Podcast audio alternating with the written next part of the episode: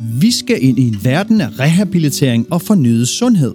Er du nysgerrig efter at opdage de skjulte kræfter, der driver den genopretningsproces? Ønsker du at udfordre dine tanker om, hvad sundhed egentlig betyder?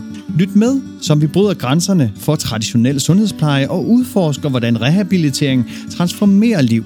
Velkommen til episode 58 af podcasten Soso. Mit navn er Kenneth Vedel.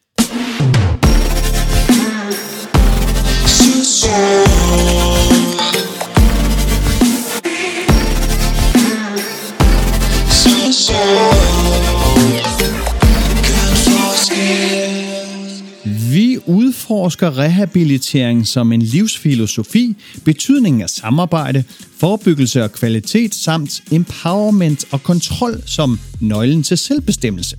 Vi navigerer gennem rehabiliteringens faser og dets spændingsfelt mellem individ og samfund. Lyt med og opdag, hvorfor rehabilitering er mere end bare handlinger. Det er en transformerende tankegang. Vi skal igennem rehabilitering som måde at tænke på, samarbejde og empowerment og kontrol.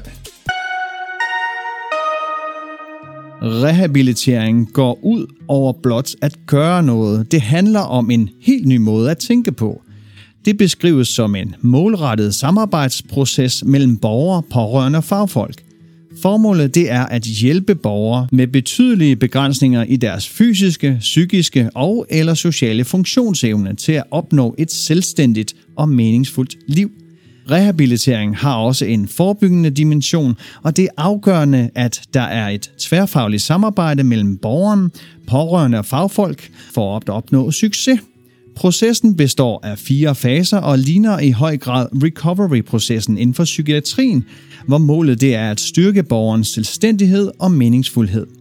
Genopretningen er en del af rehabiliteringen, men rehabiliteringen indeholder også bredere tanker om livskvalitet, som ikke nødvendigvis kræver fuld selvhjulpenhed. Rehabiliteringen er baseret på borgerens samlede livssituation og beslutninger, og det kræver koordination, sammenhæng og vidensbaserede indsatser.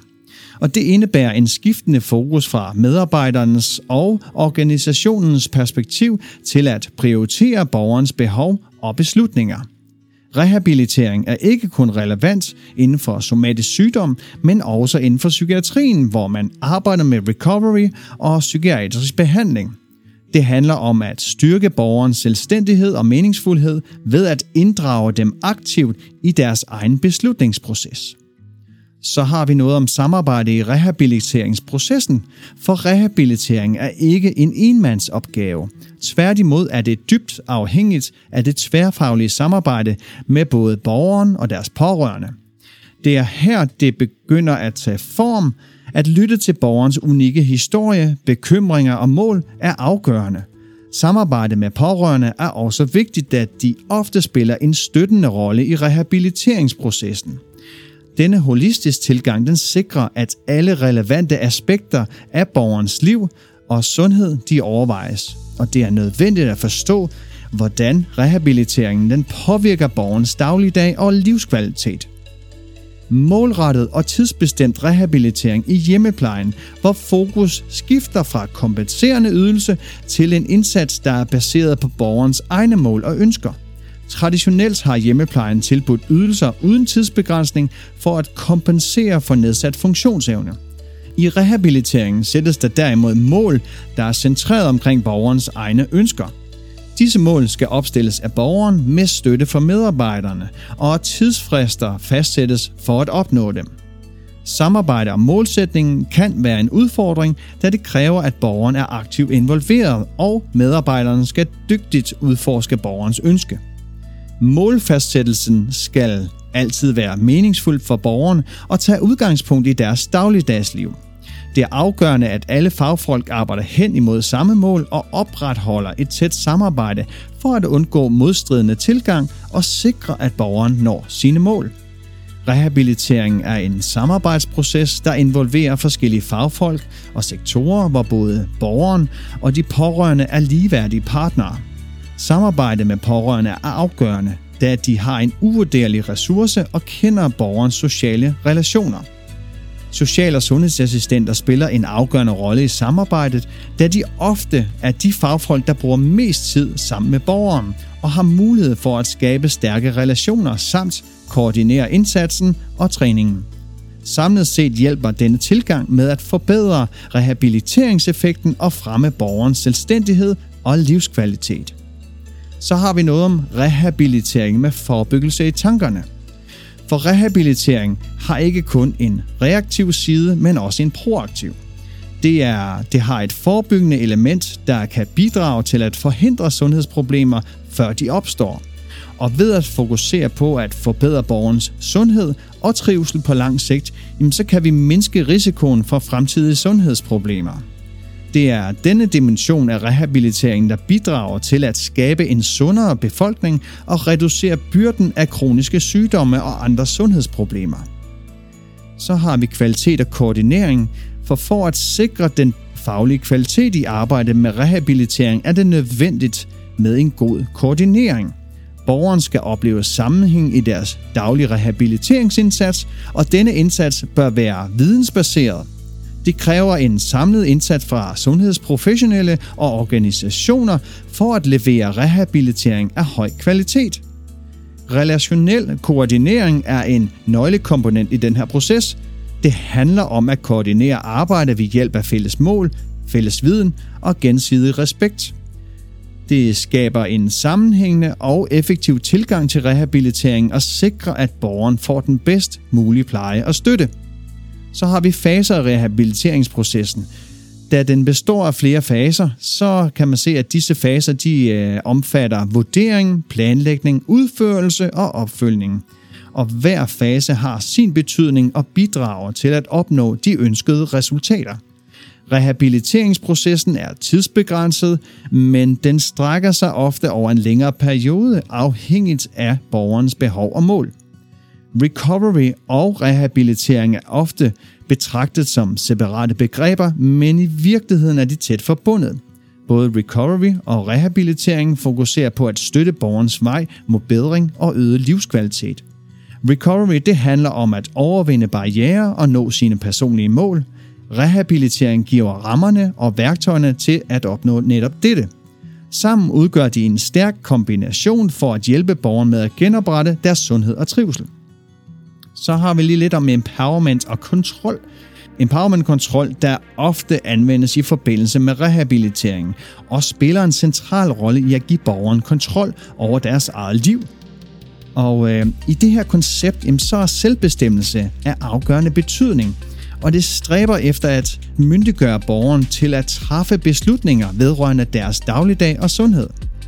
Empowerment, selvom det er svært at oversætte til et præcist dansk udtryk, det indebærer, at borgeren får de nødvendige redskaber til at deltage aktivt i beslutninger, der påvirker deres liv. Empowerment spiller en afgørende rolle i vellykket rehabiliteringsproces og kan ses som en styrkelse af borgerens handlekompetence på de tre niveauer, individuelt, gruppe og lokalsamfundsniveau på individuelt niveau, så fokuserer empowerment på at gøre den enkelte borger til en selvstændig og myndig person. Det indebærer, at borgerens ønsker og mål er i centrum, og den professionelle må respektere disse ønsker, selvom de muligvis adskiller sig fra de faglige mål.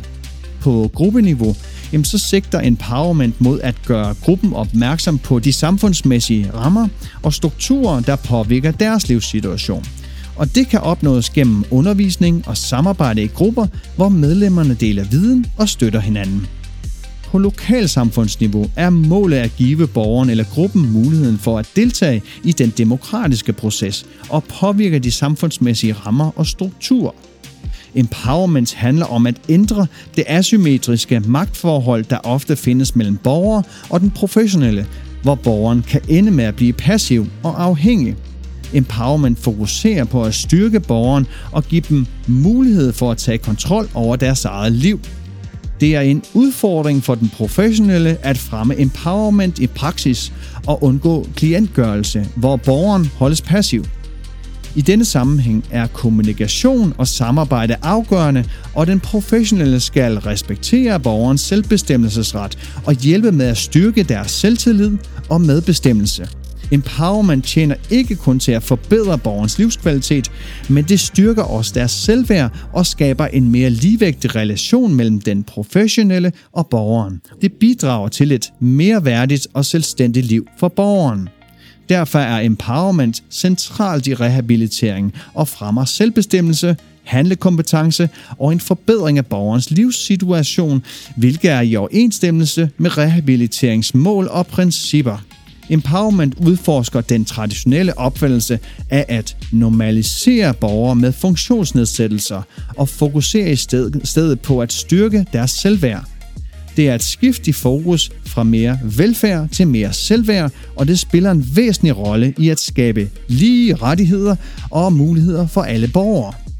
Så har vi rehabilitering som et spændingsfelt, som handler om forholdet mellem individet på den ene side, det vil sige borgeren, og den sundhedsprofessionelle og samfundet og dets institutioner på den anden side. Og det spændingsfelt det afspejler de udfordringer og muligheder, der opstår i rehabiliteringsprocessen. Det er her, at balance og samarbejde er nøglen til at skabe meningsfuld rehabilitering og forbedre borgerens liv. At navigere i det spændingsfelt, det kræver respekt, forståelse og en holistisk tilgang til sundhed og trivsel. Så slutter vi af med konklusion. Rehabilitering er ikke, ikke blot en rutine, men en proces, der omfavner hele individet og deres relation til samfundet. Det er et samarbejde, der stræber efter at genoprette sundhed og trivsel – det er en måde at tænke på, der går ud over behandling og pleje og omfavner empowerment og kontrol. Dette spændende felt det fortsætter med at udvikle sig og udfordre vores opfattelse af sundhed.